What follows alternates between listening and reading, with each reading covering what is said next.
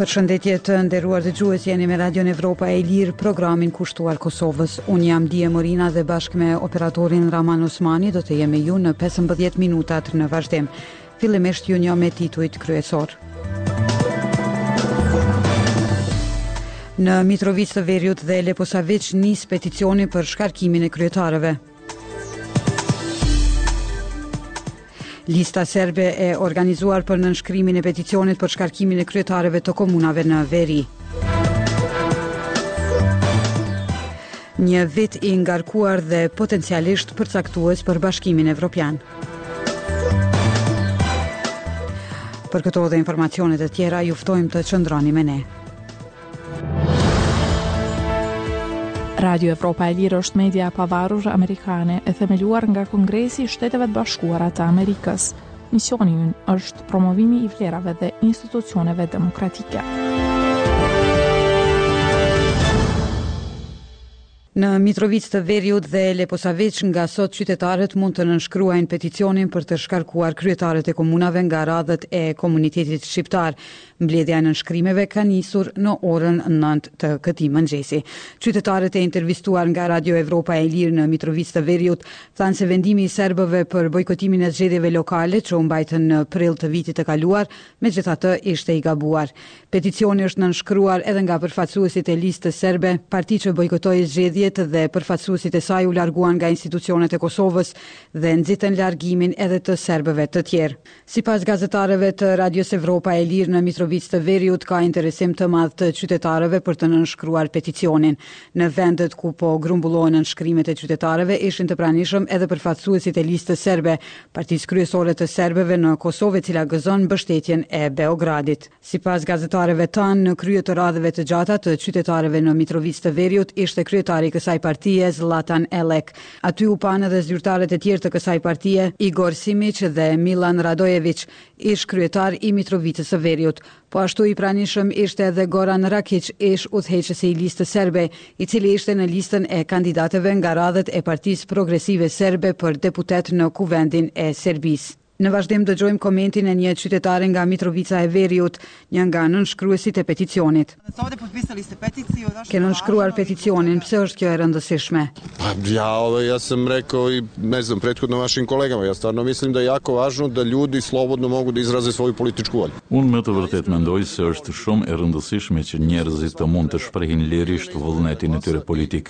Sinqerisht mund t'ju them se më pëlqen të shkoj në zgjedhje dhe mendoj se të gjithë duhet të shkojnë në zgjedhje, të votojnë, të shprehin lirisht mendimin e tyre.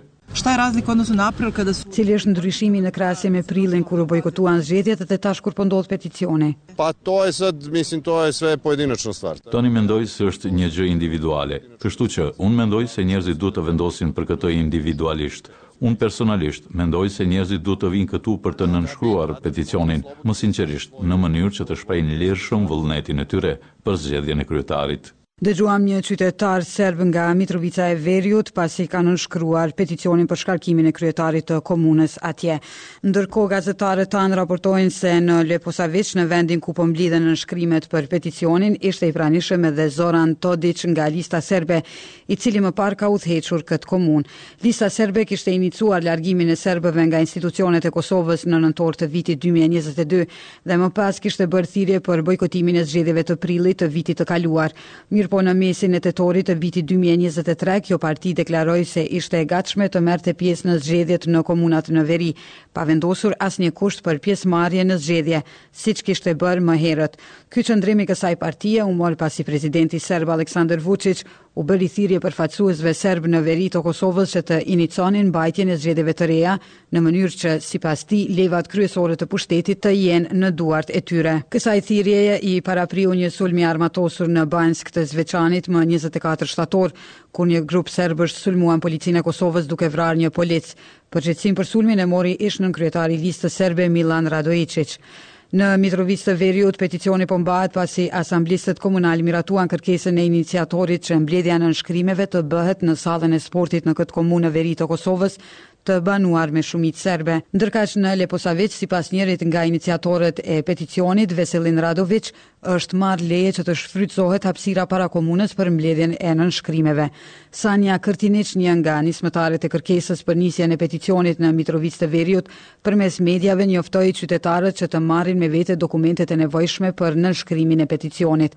Ajo ftoi qytetarët që të nënshkruajnë kërkesën për shkarkimin e kryetarit aktual të komunës, duke u bërë thirrje edhe drejtorëve të institucioneve që financohen nga Serbia dhe punonjësve të këtyre institucioneve që kanë vendbanim në Mitrovicë të Veriut, të marrin me vete letërnjoftimet dhe të nënshkruajnë peticionin. Sipas disa burimeve tona, mesazhe me thirrje të tilla për nënshkrimin e peticionit u janë dërguar punëtorëve të Qendrës Klinike Spitalore në Mitrovicë të Veriut, mësimdhënësve, punëtorëve të institucioneve komunale që punojnë sipas sistemit serb, si dhe atyre që janë larguar nga institucionet e Kosovës më 2022, por që tani paguhen nga buxheti i Serbisë. Radio Evropa e Lirë ka mësuar se drejtuesit e institucioneve paralele u kanë thënë punëtorëve që janë në pushime dimërore dhe nuk gjenden në Mitrovicë të Veriut se mund ta nënshkruajnë peticionin deri më njëzet e një janar. Javën e ardhshme, mbledhja e nënshkrimeve pritet të nisë edhe në Zveçan dhe Zubin Potok. Kryetarët e katër komunave në veri të Kosovës që banohen me shumicë serbe, Mitrovicë e Veriut, Leposaviq, Zveçan dhe Zubin Potok, janë shqiptarë, pasi partitë dhe popullata serbe bojkotoi zgjedhjet lokale të vitit të kaluar.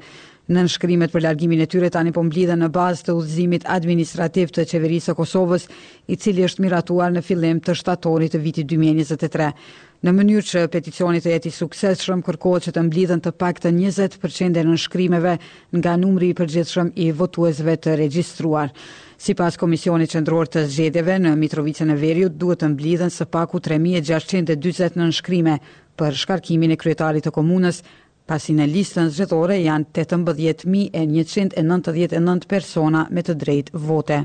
Në komunën e Leposaviqit të drejtë vote kanë trembëdhjetë mijë e katërqind e dyzet e një persona, që do të thotë se të paktën dy mijë e gjashtëqind e tetëdhjetë e nëntë prej tyre duhet ta nënshkruajnë peticionin për shkarkimin e kryetarit. Në Zubin Potok peticionit duhet t'i përgjigjen së paku një mijë e treqind e dyzet e shtatë votues, që është njëzet për qind nga gjashtë mijë e shtatëqind e tridhjetë e dy votues të regjistruar. E në Zveçan që peticioni të jetë i suksesshëm, duhet të nënshkruhet nga së paku një mijë e katërqind e njëmbëdhjetë persona. Sipas udhëzimit administrativ për shkarkimin e udhëheqësit të komunës, një grup qytetarësh pas marrjes së autorizimit për të shfrytëzuar një zonë publike apo vend për të nisur një peticion, kanë tridhjetë ditë kohë për të mbledhur nënshkrimet për shkarkimin e kryetarit.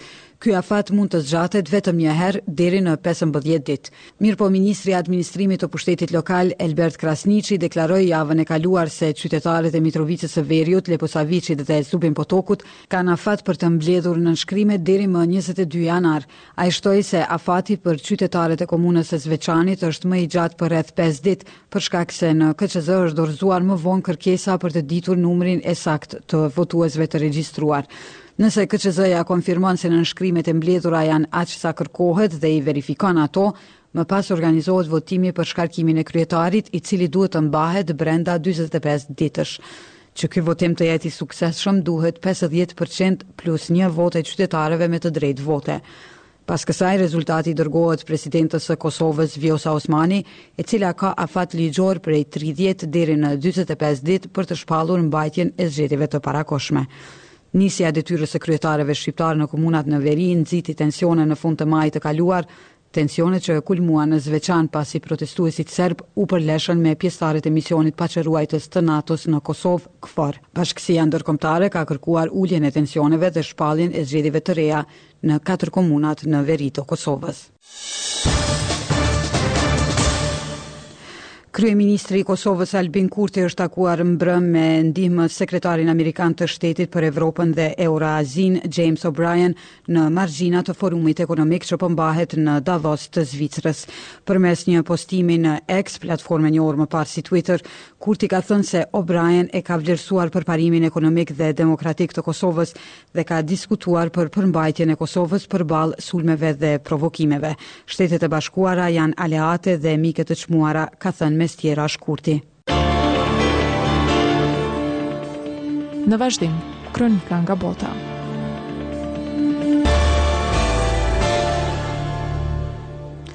Bashkimi Evropian e pret një vit të ngarkuar me vendime të rëndësishme përfshirë zgjedhjet e Parlamentit Evropian. hapat para për zgjerimin dhe deri te vendimet që kanë të bëjnë me luftën në Ukrainë. Doruntina Baftiu sjell hollësi.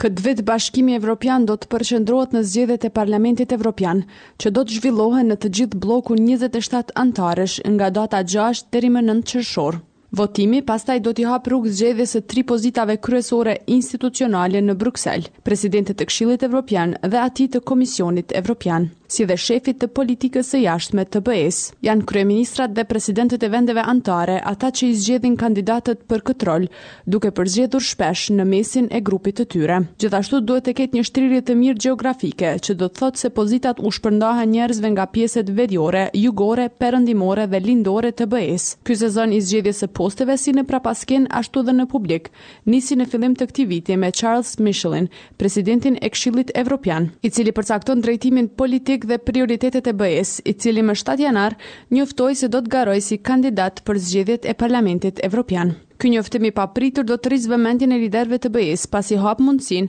që kryeministri hungarez Viktor Orban, i cili është i përfshirë në mosmarrëveshje të ndryshme me bllokun, sa i përket sundimit të ligjit në vendin e tij dhe shpesh nuk është treguar bashkëpunues me Brukselin, sidomos për Ukrainën, të bëhet president i Këshillit. Orban nuk do të ishte një zgjedhje e dëshiruar në Bruksel apo në shumicën e shteteve anëtare. Orban mund të bëhet president i Këshillit vetëm në bazë të një teknike. Sipas rregullave të BE-së, nëse nuk ka një president të përhershëm të Këshillit Evropian, pozita aktuale e Michelit, vendi që mban presidencën e radhës gjashtëmujore të BE-së, merr përsipër funksionet e presidentit dhe Hungaria është shteti që do ta ketë presidencën e radhës nga një korriku. Megjithatë, kjo ka pak gjasa të ndodhë. Michel nëse zgjidhet në Parlamentin Evropian, vendin e tij pritet ta marrë në mes të korrikut dhe janë dy samite të BE-së të planifikuara tashmë për në qershor për t'u pajtuar për tri pozitat e larta dhe shanset janë të mëdha që të gjendet një pasardhës. Në votimet e Këshillit Evropian nuk ka mundësi vetoje për Hungarinë apo ndonjë vend tjetër. Vendimet merren nëpërmjet votimit me shumicë, duke u mbështetur kështu në pesëdhjetë e pesë për qind të shteteve anëtare të BE-së, që përfaqësojnë gjashtëdhjetë e pesë për qind të popullsisë së BE-së. Normalisht presidenti i ri i Këshillit do të merrte pozitën e tij në fund të vitit. Mandati i Michelit, për shembull, zgjat deri më tridhjetë nëntor, por ky vakum i mundshëm i pushtetit midis përzgjedhjes së mundshme të pasuesit në qershor dhe marrjes së detyrës në fund të vjeshtës, nuk ka gjasa të krijojë një derë të pasme për Orbanin, pasi pasardhësi i zgjedhur Mund ta nisë mandatin që në verë. Nisja e hershme do të kërkonte vetëm një ndryshim në rregullat e procedurës, që mund të arrihet me një shumicë të thjeshtë. Lënë mënjanë politikën e brendshme janë disa çështje të tjera që do të kenë vëmendje këtë vit, sidomos në lidhje me Ukrainën, dërgesat e armëve, zgjerimin e bllokut dhe sanksionet kundër Rusisë. Më e ngutshme nga këto çështje është ndihma financiare për Ukrainën, sidomos pasi Hungaria ka bllokuar një paketë prej pesëdhjetë miliardë eurosh të destinuara për Kievin.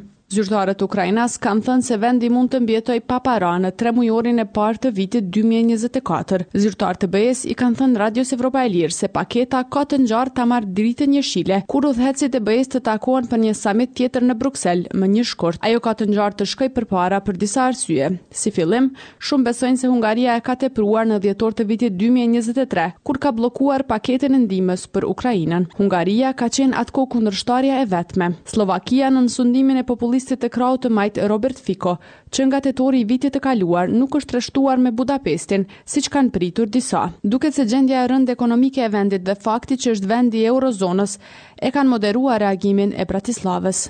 Mes bujës, udhëheqësit e BE-së kanë vendosur në dhjetor të nisin bisedimet e pranimit me Ukrainën dhe Moldavinë. Për Bosnjën e Hercegovinën kishte një dritë të pjesshme jeshile për fillimin e bisedimeve, por vetëm pasi Komisioni Evropian të raportojë, më së voni deri në mars, për përparimin e reformave të ndryshme. Por sipas disa diplomatëve të BE-së, komisionari i zgjerimit të BE-së, Oliver Varhelyi, një hungarez i afërt me qeverinë në Budapest, nuk është shumë i etur për ta përshpejtuar anëtarësimin e Ukrainës në BE. Provë e madhe për BE-në do të jetë gjithashtu nëse arrin të dërgojë një milion fishekë municionesh njëqind e pesëdhjetë e pesë milimetrash në Ukrainë deri në fund të marsit, siç ka premtuar vitin e kaluar.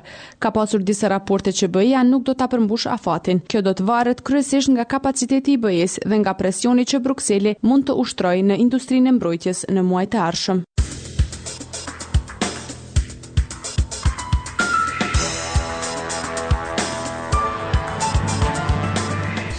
Ishin këto të gjitha materialet e përgatitura për edicionin e mesditës për lajmet e fundit dhe informacione të tjera mund të vizitoni faqen tonë në internet evropaelire.org.